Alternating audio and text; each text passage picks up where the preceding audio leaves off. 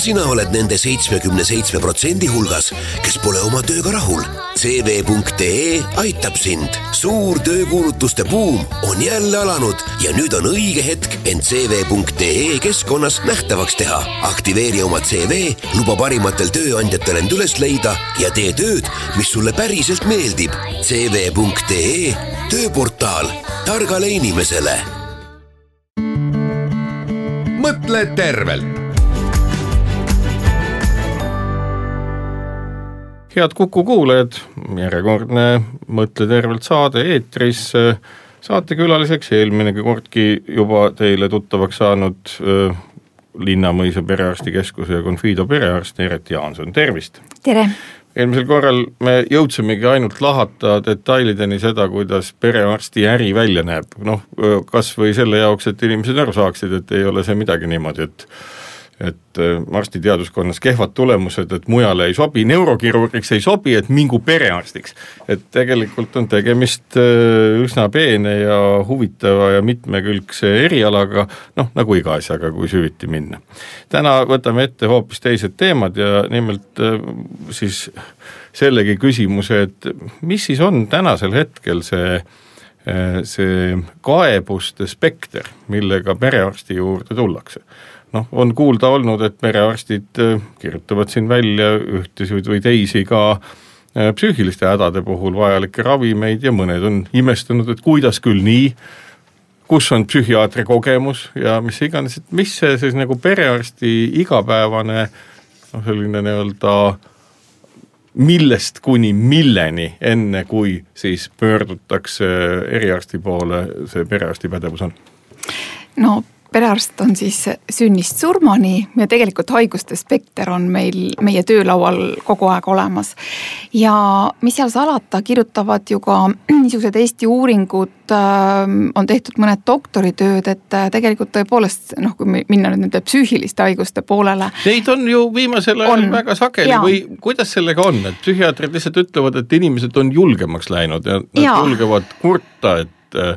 et äh, lisaks valutavale varbale, hambale ja kõrvale on veel muidki kummalisi ja ma arvan, et siin ongi kaks aspekti, et, et ma mäletan ülikooli ajal äh, oli üks tore äh, viies kardioloogia osakond Tartu Ülikooli kliinikus, kus olid kenad korda sätitud äh, noored nelikümmend pluss naised, kelle diagnoosiks oli müokardiit, selline müstiline haigus, millega ka, millise saagaga nad käivad ka veel täna meie juures arstil. aga sellel hetkel ma võin öelda nii-öelda tagasiulatavalt, see oli siis kaheksakümnendate lõpul, et see oli ilmselt depressiivne depressiivi, depressiivsed ja sellised eh, nii-öelda vegetatiivse närvisüsteemi häiretest tingitud eh, südamekaebused. et need olid ikkagi südamekaebused, aga nende südamekaebused, aga põhjus oli kas tegelikult te... vegetatiivne närvisüsteem ja, ja, ja psüühika. aga see haiguse nimi nagu müokardiit on mm -hmm. tänaseks hetkeks diagnooside realt kadunud? ta ei ole kadunud, müokardiit on väga tõsine haigus, ehk et müokardiidi puhul,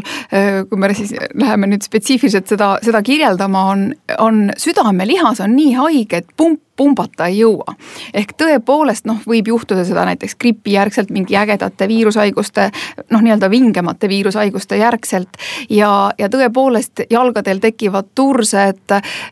inimene, inimese füüsiline jõudlus on selgelt koormustestil või ka nii-öelda rahuolekus äh, langenud ja, ja siis meil on olemas ka müokardiidi diagnoos otse loomulikult. kuid kui ma mõtlesin, mõtlen nii-öelda tagasi, tagantjärele sellele ajale seal äh, õp, õpingute ajale, siis, siis kindlasti me ei, sellel hetkel ei diagnoosinud depressiooni. nii et nüüd sinna tagasi minnes see depressioon oli olemas, me lihtsalt ei nimetanud teda. täna meie teadmine ja koolitused, kui me nüüd läheme selle lause juurde, kus, et kas perearstil on pädevused, kus on jäänud psühhiaatrid, psühhiaatrid ei ole ka kusagile kadunud. ja, ja kas neid peaks rohkem olema või mitte, on juba nii-öelda õpp, õppetöö korraldajate küsimus, aga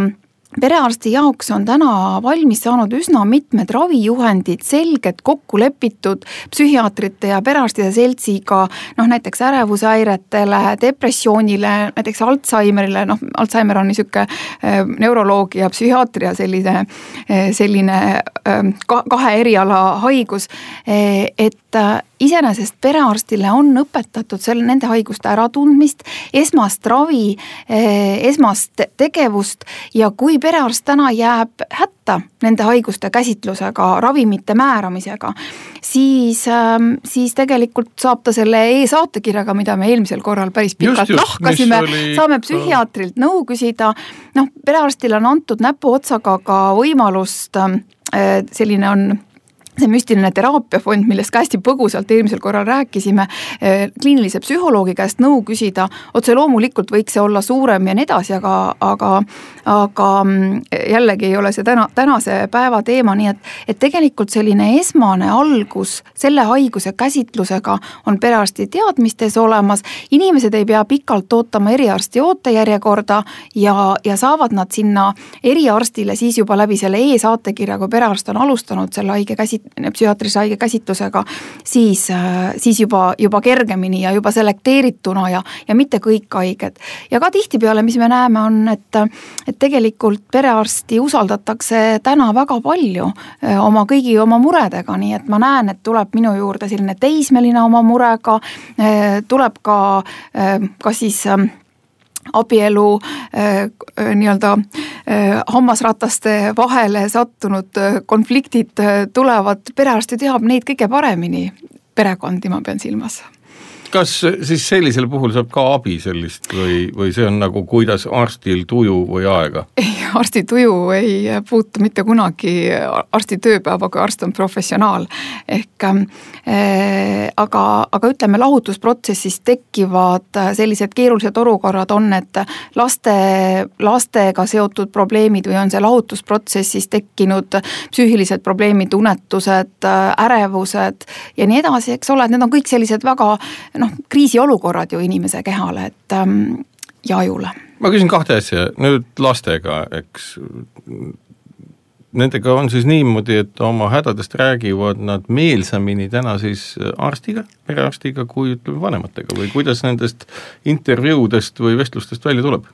no jällegi ei ole siin, ma ei saa nii-öelda üldistada, see ei ole, ei ole võimalik ei ole üldistada, aga äh, ma täna, olles oma nimistut pidanud peaaegu kakskümmend aastat ja, ja on täna minu nii-öelda sündinud lapsed toovad oma lapsi juba nimistusse, siis äh, näen ma küll seda, et kui on tekkinud usalduslik olukord selle lapse ja arsti vahel juba lapsepõlves ja, ja nii-öelda käib regulaarne kohtumine perearstiga noh, esimese seitsme eluaasta jooksul igal aastal, pärast kooliajal on seal üheksa, kaksteist ja viisteist aastat praeguse juhendi alusel,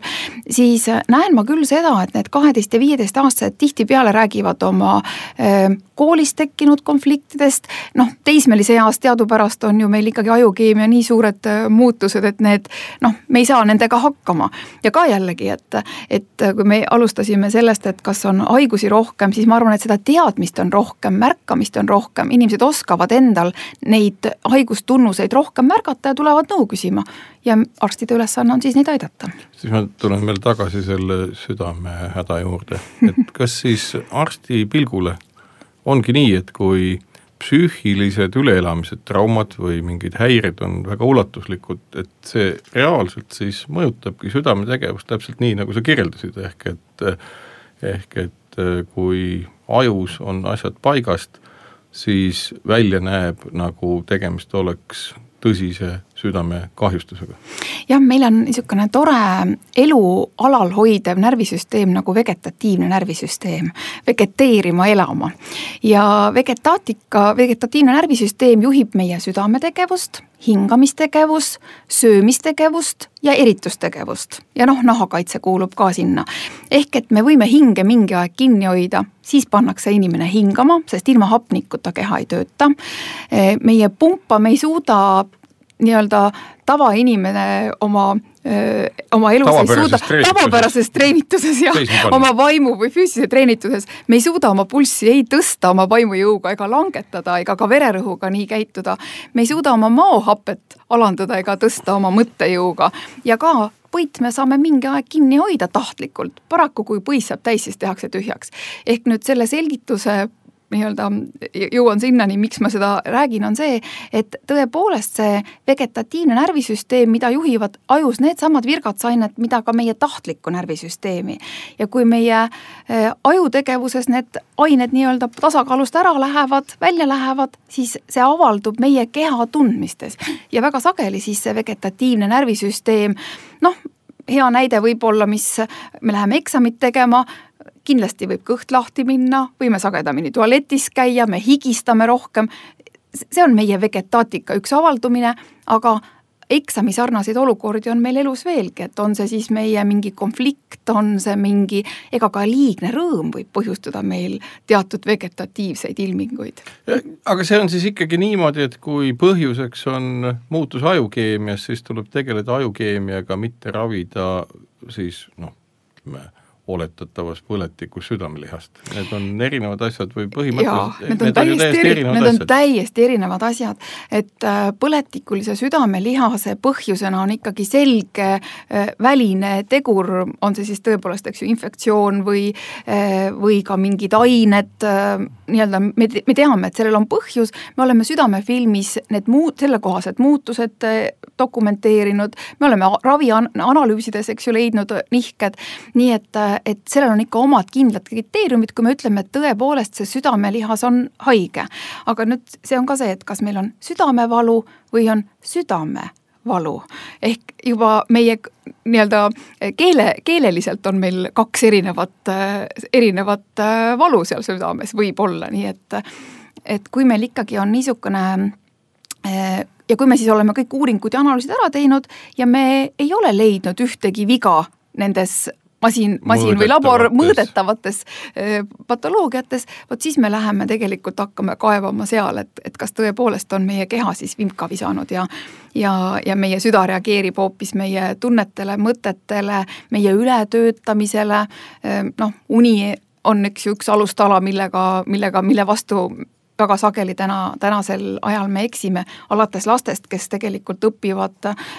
kella ühe-kaheni öösel ja peavad kell kuus uuesti üles ärkama, näiteks kaugemalt linnas kooli sõitma, mida iganes, noh, need on lihtsalt niisugused lihtsad näited. aga südamevalu kokku kirjutatult võib põhjustada sama asja, mida südamevalugi, ehk siis ja. nagu südame ülesütlemist. just, no, ütleme nii, et äh, südameseiskust äh, ma arvan, see nii-öelda äh, südame, südamevalu kokkukirjutana, satuna ei. ikkagi ei põhjusta, eks ole aga ja. põhjust on ikkagi ebamugavustunde vältimiseks sellest nagu eemale saada. küsin veel, et enda kogemusest,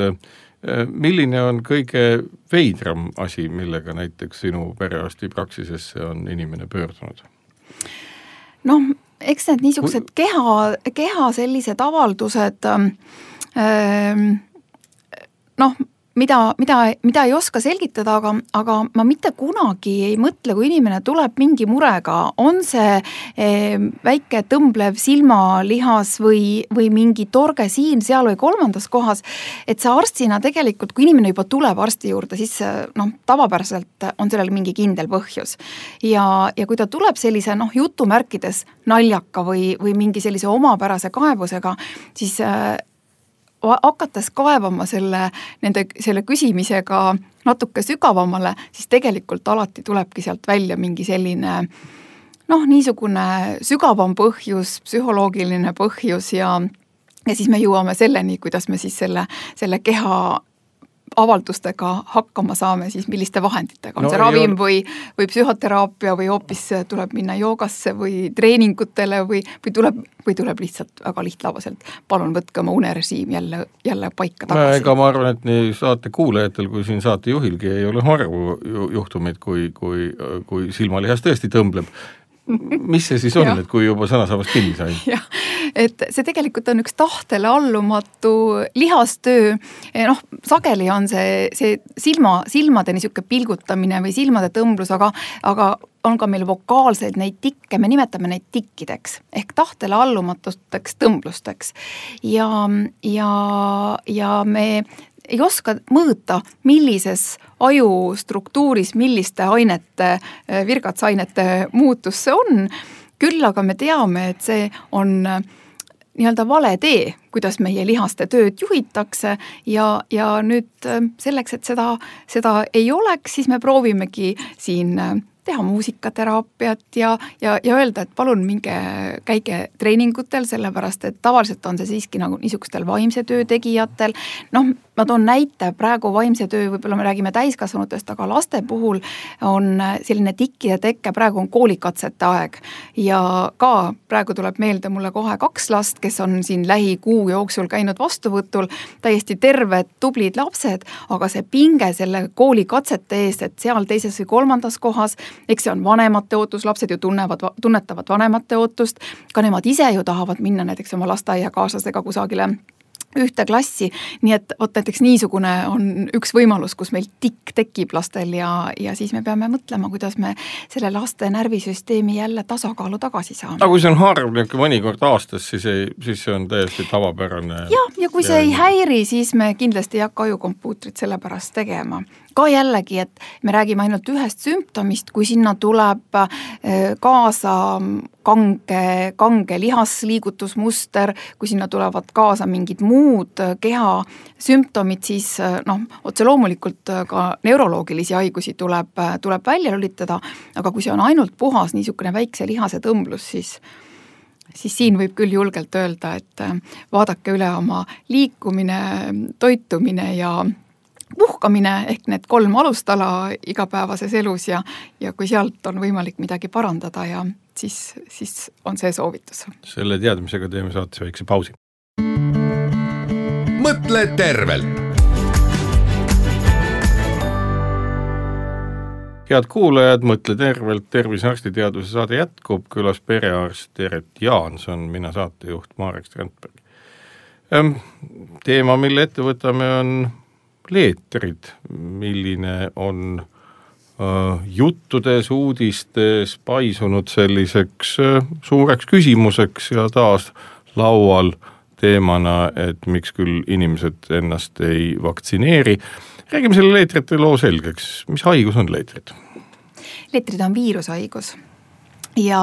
ja mõned aastad tagasi me ikkagi üldiselt olime seda meelt, et see leetrid on eh, meil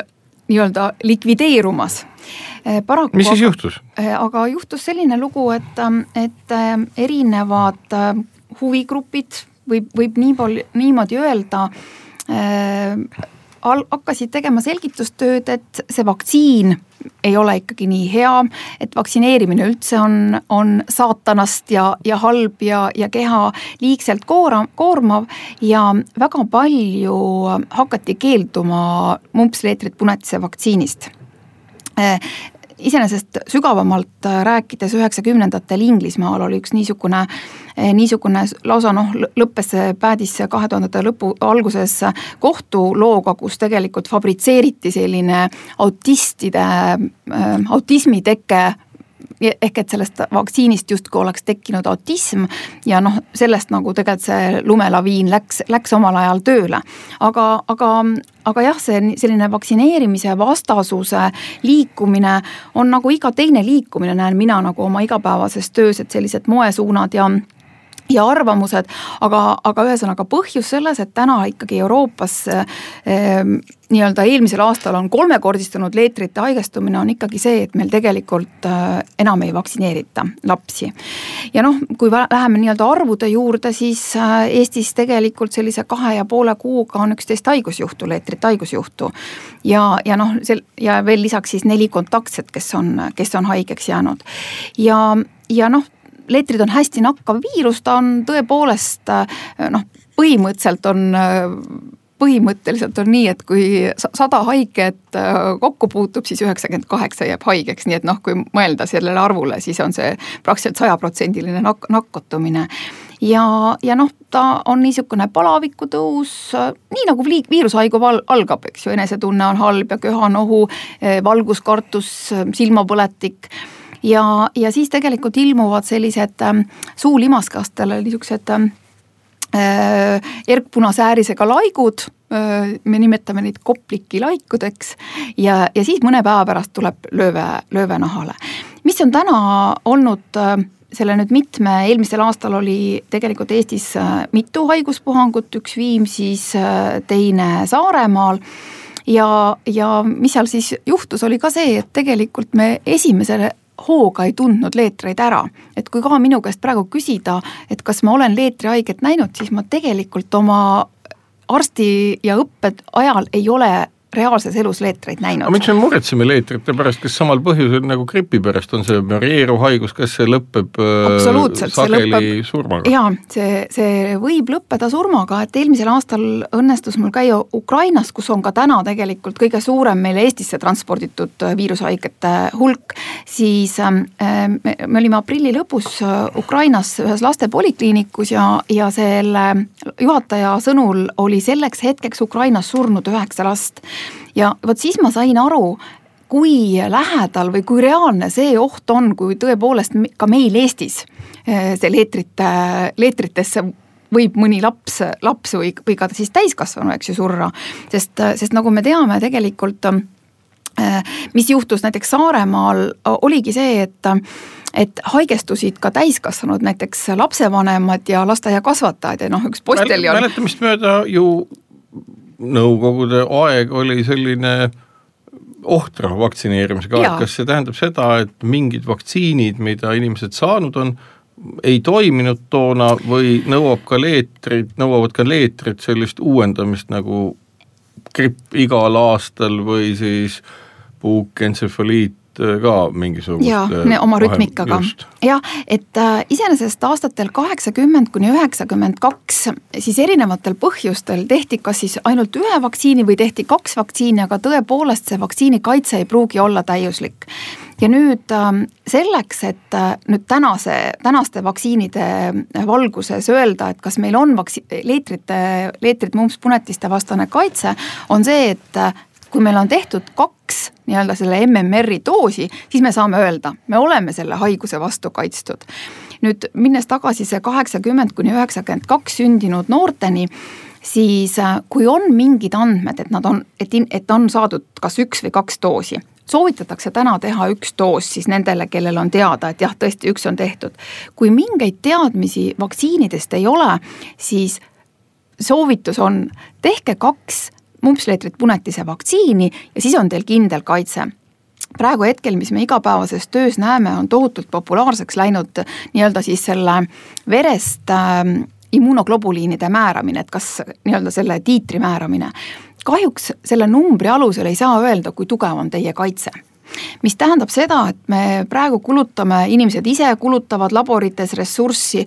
perearstid tihtipeale tulevad inimestele vastu ja, ja teevad neid markereid, et ma saan täna öelda, ärge tehke seda.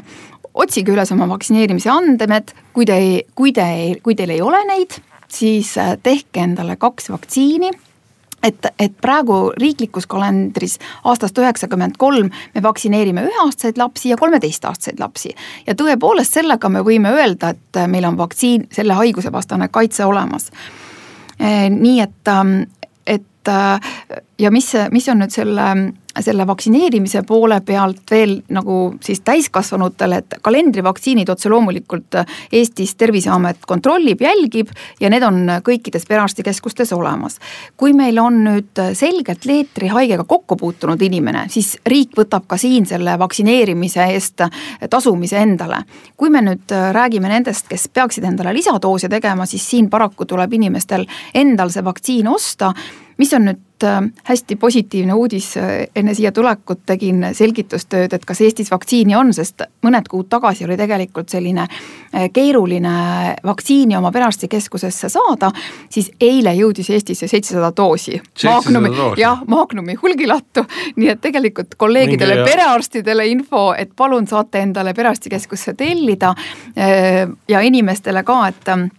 et vaktsiin on kenasti olemas, saate pöörduda oma perearstide poole või ka siis ütleme selliste vaktsineerimiskabinettide poole. Mm, et, et siis endale need vaktsiinid ära teha. aga mi-, mis äh, lugu nende vaktsiinidega üldse on, et kui eelmisel aastal väga mõistlikul moel käivitati kampaania gripivastaseks mm -hmm. vaktsineerimiseks, mis loodetavalt andis ka tulemust, siis õige pea ilmnes, et neid vaktsiinidoose üldse nii palju ei ole, et noh, ega neid ju üleöö ei saa teha, et see on terve mm -hmm. pikk protsess, on vaktsiini tootmine, et kui täna tekib soov, et see ei ole päris leiva moodi, et homseks on need küpsetatud või mõne tunni jooksul, et eh, kas nende leetrite vaktsiiniga on ka sama lugu, et keegi ei oska nagu ette näha, et selline, selline äkiline vajadus tekib. palju sellest seitsmesajast doosist meil päriselt nagu abi oleks?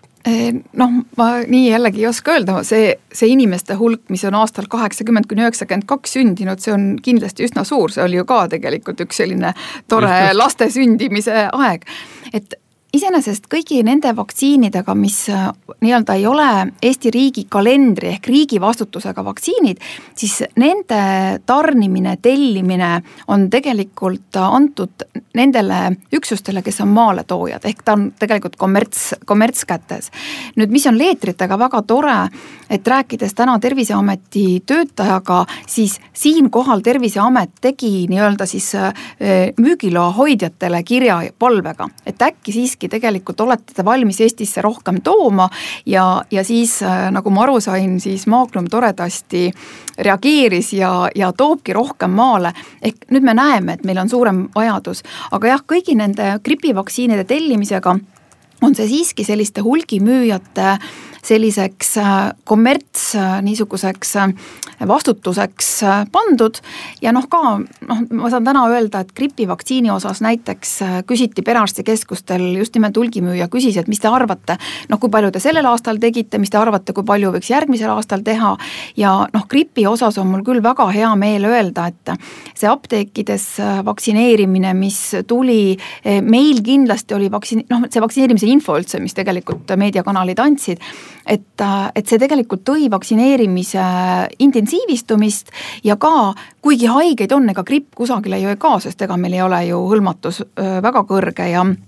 ja vaktsiin ka tegelikult ei ole ju sajaprotsendilise kaitsega siiski, siis iseenesest sellel aastal minu meelest, ma ei ole praegu vaadanud seda ametlikku statistikat, surmade arv on kindlasti väiksem kui eelmist, eelnevatel aastatel. noh, seda ma tean, nii-öelda vaatasin neid numbreid, jätan praegu numbrid ütlemata, aga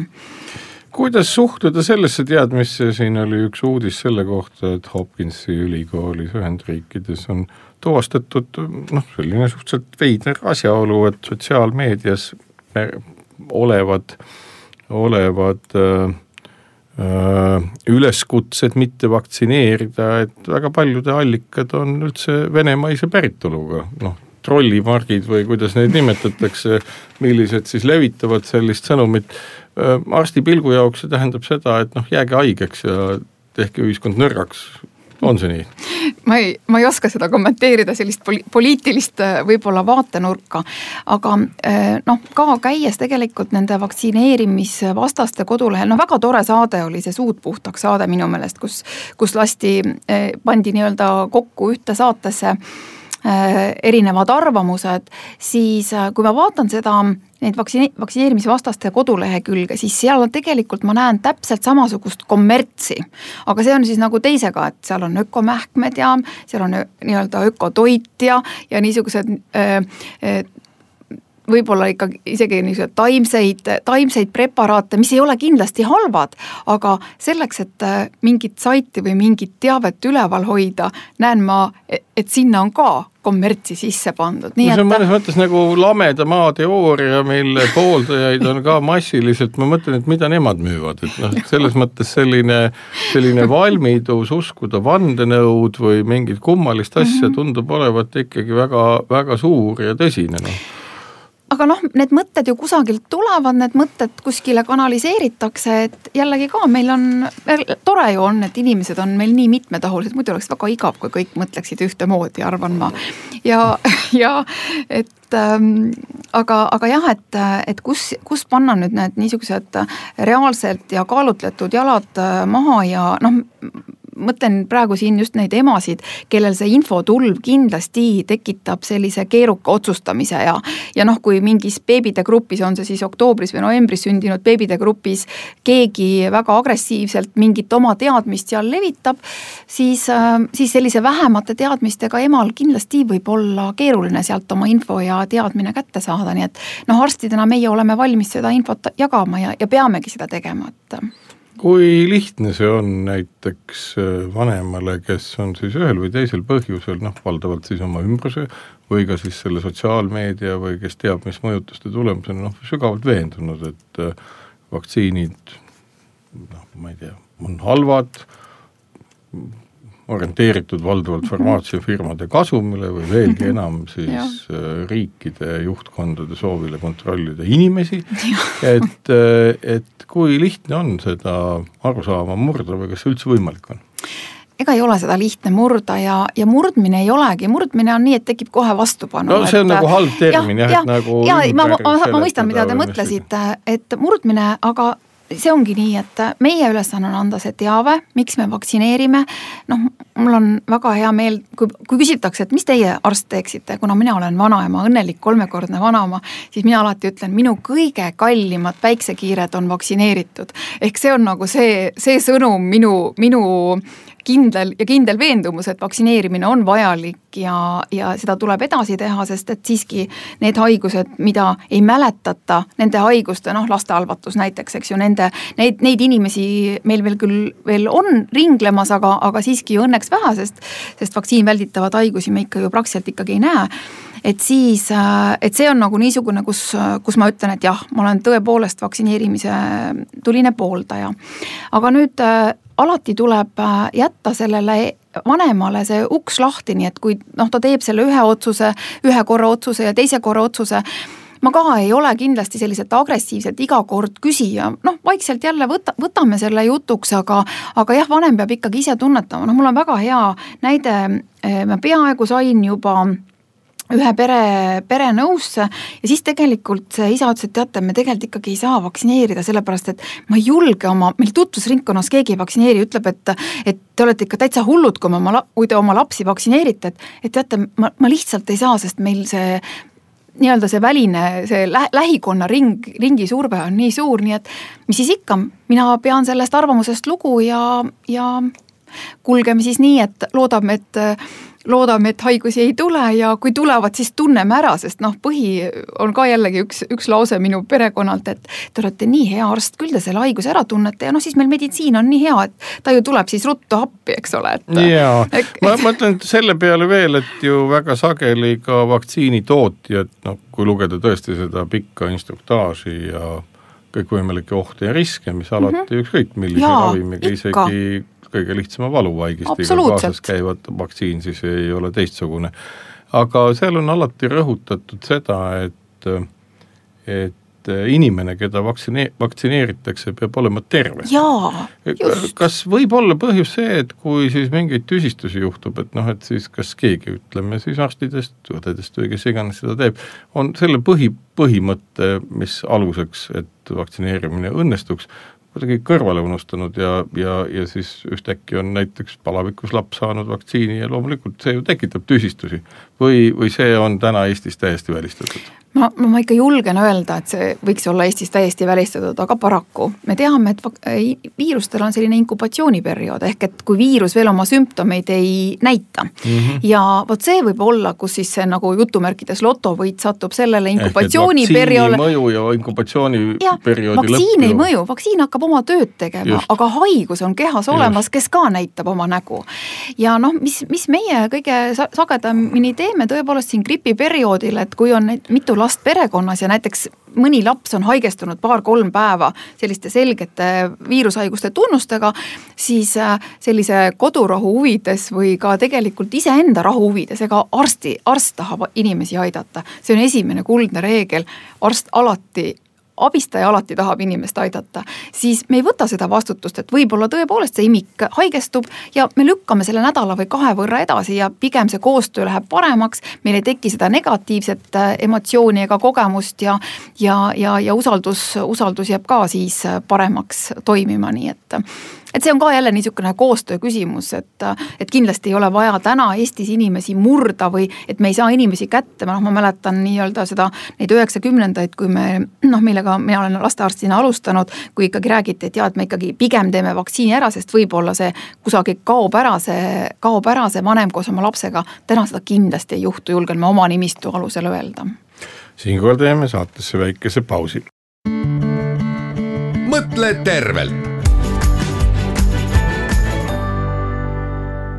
head Kuku kuulajad, Mõtle tervelt, Tervise arstiteaduse saade jätkub. meil on külas perearst Eret Jaanson, mina olen saatejuht Marek Strandberg, rääkisime just äh, leetritest, leetrivaktsiinist ja muust sellisest ähm,. kui palju õnnestub üldse, noh, me teame, et ennetus toidu alla, toidu peale, kui juttu tuleb, ikka kõikvõimalikke asju tuleb ennetada, tervislikult elada ja mis kõik veel, et äh, noh, samas me teame, et kõikvõimalikud harjumused, toitumine, käitumine, mis iganes mm, -hmm. noh, need on nii süviti sisse meile programmeeritud lapsepõlvest või noh, juurdunud võib öelda, et äh, jälle halb küsida, noh, nii-öelda seda murdmise juttu rääkida, aga aga et äh, on sul mingid võtted, kuidas inimest siis noh, kallutada äh, liigsest alkoholi või tubakatoodete tarbimisest või õgimisest või soodustada inimeste liikumist, sellepärast et ma saan aru, et need on kõige odavamad nõuanded, selle eest ei pea inimene suurt midagi välja käima, ennast ümber organiseerima, kui lihtne on perearstil seda teha, ma tean ju, eks vaatame siin ümberringi äh, on ju kõikvõimalikke nõustajaid, kes esitavad mm -hmm. suuri arveid ja ütlevad, et vot nüüd imeasi, tulnud siit kusagilt kaugelt-kaugelt välismaalt ja seal mitmed filminäitlejad on kohe mitme nädalaga, mõne nädalaga saanud saledaks, ilusaks, terveks, et eh, mis on perearsti metoodika inimeste tervemate elustiilide ja kalduvuste juurde meelitamisel või suunamisel? ma arvan, et see vundamendi ladumine algab esimesel eluaastal ja noh, perearstil on see nii-öelda hea võimalus alustada sellega ja, ja eh, ma arvan, et selline teadmiste panustamine ongi see noh, esimene, esi, kuni esimene perioodiks ma loen ka koolieelset aega kus, kus iseenesest selle pere väga sageli, mida ma näen, noored pered ikkagi muudavad oma toitumisi ja elustiili harjumisi siis, kui lapsed sünnivad. noh, see on nüüd see noh, eelised, eeldus, et, et lapsed sünnivad, kui me hakkame seda ennetust rääkima aga just nimelt lapsepõlves antud teadmised sellest, kuidas viirushaigusega hakkama saada, noh, on, ütleme, kui me räägime haigustest. aga see, et kuidas olla terve, et me unest räägime tegelikult kogu esimese eluaasta, kuidas imikud magavad, see, see elurütmi sissesaamine, et kui ma näen, et see üheksakuune käib inglise keeles laulutunnis, võimlemistunnis, eks ole, et ta, et ta iseenesest sööb ainult külma toitu autos, et tal ei olegi enam niisugust rahulikku elu ja väikse lapse imiku olemise aega. et vot siin on see koht, kus tegelikult saab alustada selle teadmise panustamisega, et, et me ei jooks, et ma ka täiskasvanu eas eh, nii-öelda ei võta ainult kas kiirsöögikohast mingeid ampse või või siis külmkapist niisugust külm, külma toitu, et, et see, see algab kõik küsin, siit kas, juba. kas see konveier, noh, sa ju puutud kokku kõigi nendega, et see selline, selline konveier et lapsele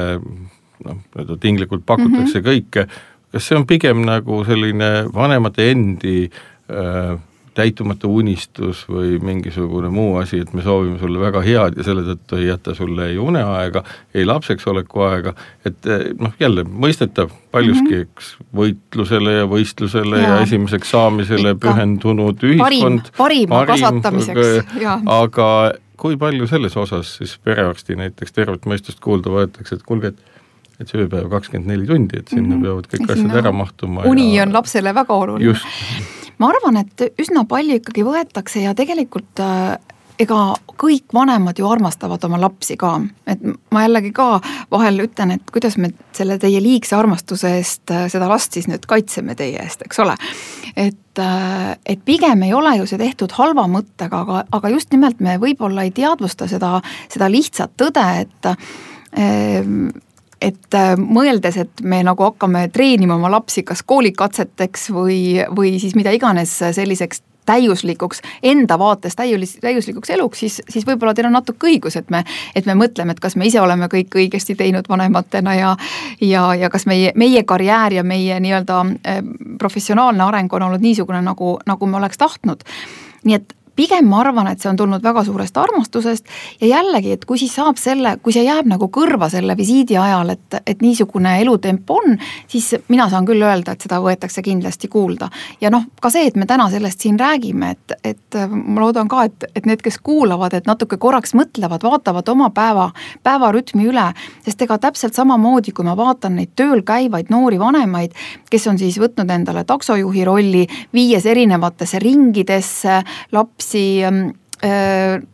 samamoodi, et kas see laps süüa saab, mida ta siis sööb, kas ta võtab sealt ähm, mingid rasvased pirukad sealt äh, ühest trennist teise joostes. et, äh, et me, me, me tegelikult visiitidel sellest kõigest räägime ja, ja siit algab see teadmine peale. kui me nüüd läheme sinna noor, noorte täiskasvanu vanusesse või ka siis juba no ütleme, niisugused keskealised, noh, ma saan aru, et te vihjasite seda vöö ümbermõõdu suurenemist sealtpoolt, eks ole.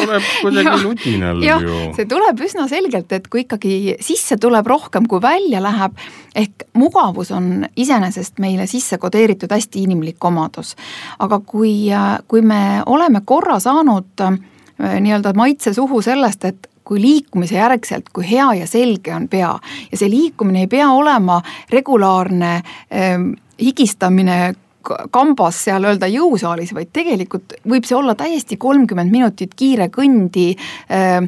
tänaval või, või otse loomulikult veel parem, kui see on kusagil pargis või, või, või nii-öelda matkarajal.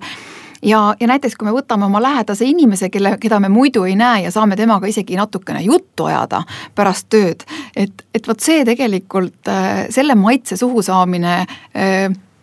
motiveerib jälle edasi tegema, aga, aga see, kui te küsisite, et kuidas perearst motiveerib, siis meil on selline tore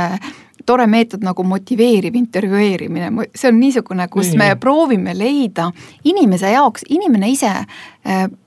me aitame tal sõnastada tema jaoks nii-öelda eesmärgid, et kuidas ta näeb ennast kolme aasta pärast, viie aasta pärast. noh, üks asi on see, et meil on täiesti terve inimene, meil on ka pere, pere olnud täiesti terve eespool põlvkondades ähm, ja et, et, ähm, et noh, kuidas me siis selliseid inimesi motiveerime, tavaliselt need, kes on ikkagi terved ja, ja juba vanemad põlvkonnad on ees liikunud, äh, olnud sellise äh, aktiivse vaimu vaimu parandamisega, on see siis see kontserdil käimine või, või kinos või, või teatris käimisega, et te, noh, tegelikult me ikka need mustrid saame oma perekondadest kaasa. ja, ja siis, kui see jällegi veel kord lähen sinna vundamendi juurde, et see lapseeas loodud vundament, et kui me jälle selle meelde tuletame, et noh, lapseeas oli niisugune ja no, noores vanuses oli ka niisugune, et siis ja siis me küsimegi, et, et mis, kuidas ma tahan tegelikult ikkagi kümne aasta pärast näha, et mis on need tegevused, kas on see tööelu, kel, kes, kellele mida on tähtis, kas keegi tahab, kuidas ta oma vaba aega tahab veeta, kas ta tahab oma sõpradega koos olla või oma perega koos olla. tahab ta oma lapse, lapsi näha ja kui vanaks ta tahab oma lapselapsi näha, on need küsimused, mida, mida siis saab küsida. ja ega me tegelikult igapäevases elus selle, nendele küsimustele ju ei vasta teadlikult, alateadlikult ma, ma klõpsub. kuulen su juttu, perearstist on saamas selline noh, ütleme moodne on öelda elustiili, elustiili õpetaja, coach jah, see on ja. eesti keeli püüdi sellele ka mingi nimi anda nagu koots, aga see kostus väga, väga koledane. aga, aga see siis tegelikult ongi niimoodi, et äh, ma saan aru, et ka perearsti poolt vaadates mm -hmm. selline nii-öelda sisuline elustiili nõu Aa, on see koht, nii nagu eelmine kord me rääkisime sellest äh, e-saatekirjast mm, -hmm. kui noh, ütlemata nutikast lahendusest mm, -hmm. millisel moel mitte ainult aega, vaid ka maksumaksja raha kokku hoida, et ma saan aru, et ka sellel nii-öelda elustiili nõustamisel, noh, mis tundub olevat muidu selline glamuurne äri ja, ja et, et see on väga baas. et see on väga baasasi mis põhimõtteliselt perearstinduse loomuliku osana on mitte ainult teretulnud, vaid täna juba olemas. absoluutselt, sest üheksakümnendatel, kui perearstindust loodi, siis oli see üks esimene alustala, just nimelt see profülaktiline ennetustöö. kahjuks see meie igapäevane elutempo täna on selline, kus me kogu aeg kustutame tuld või kui me noh, oma meditsiini vaatame, siis pigem on see selline haiguspõhise töö stimuleerimine. aga noh, ka täna oleme me jällegi ka seltsiga ko-, jõudnud selleni, et meil on täna kaks pereõde, perearstil lisaks, eks ole, just nimelt see järjepidev, järjepidev töö, nii et me vaikselt seda kivi tilgutame, otse loomulikult kui on gripihooaeg, siis ei jõua ma rääkida sellest, noh, mis on alkoholiühikud, aga, aga ka jällegi, et noh, meil on päris mitmed sellised ennetuslikud programmid, näiteks Alval on niisugune alkoholiennetus, selline audit-test, mida me perearstil saame teha, meil on ta integreeritud isegi meie tarkvaraga ja väga sageli näiteks, kui juhilubasid tuleb üks täiesti terve noor inimene tegema, siis minu õde teeb selle audit-testi ära ja, ja on täiesti hämmastav, kui me muidu ei mõtlegi, kui palju me alkoholiühikuid nädalas tarbime, siis nii-öelda numbritena ja jällegi inimesele näidates hakkab mõtlema, et ahaa, tõepoolest, neid numbreid no, on üsna palju. lihtsalt arve, kui palju ostetakse mhm. alkoholi mm -hmm. ja eeldada, et see kõik ka jooksvalt ära juuakse mm, -hmm. siis noh, pisitasa see nii-öelda promillide hulk, mis peab stabiilselt olema Eestis ringi liikuvate, sealhulgas ka sõitvate mm, -hmm. autot juhtivate ja. inimeste veres on märkimisväärne. noh, loomulikult me ei saa öelda, et kõik inimesed on statistiliselt ühetaoliselt murjus, sellist mm -hmm. statistilist jaotamist ei ole, aga ikkagi, see on märkimisväärne, ma saan aru, et ka äh, perearst näeb seda oma halval testi tehes. jaa, just, et jah, halval testi tehes me küsime need nädalaühikud ja, ja siis me võtame selle teemaks ja ka jällegi selline noh, Tervise Arengu Instituudil on selline nii-öelda jälle projekt, projekt niisugune, mis, mis noh, on täna ikkagi väga paljudes perearstikeskustes juba kasutusel ja noh, ma loodan, et see läheb niisuguseks riiklikuks strateegiaks. minu meelest selline alkoholi, alkoholipoliitika on siin äh, ka Sotsiaalministeeriumist soodustatuna juba mõne aasta jooksul kenasti siin siin tööle läinud, nii et ja ega ka ei saa ju muutuda sellised harjumused ja meie kultuuriteadmised nii ruttu noh, selleks lähebki ju aega ja kas see on põlvkond või mitte, me võime siin filosofeerida, aga, aga see, seda teadmist tuleb hakata meile andma kodus praegu tänastele noortele. aitäh, Piret Jaanson, perearst. Linnamõisa Perearstikeskusest ja Confidost tulemast rääkimast, mis on perearsti argipäev mina olen saatejuht Maris Strandberg, sellega on Mõtle tervelt saade läbi, mõelge siis ikka jätkuvalt tervelt, tundke ennast hästi ja kuulake meid jälle täpselt nädala pärast, head päeva! mõtle tervelt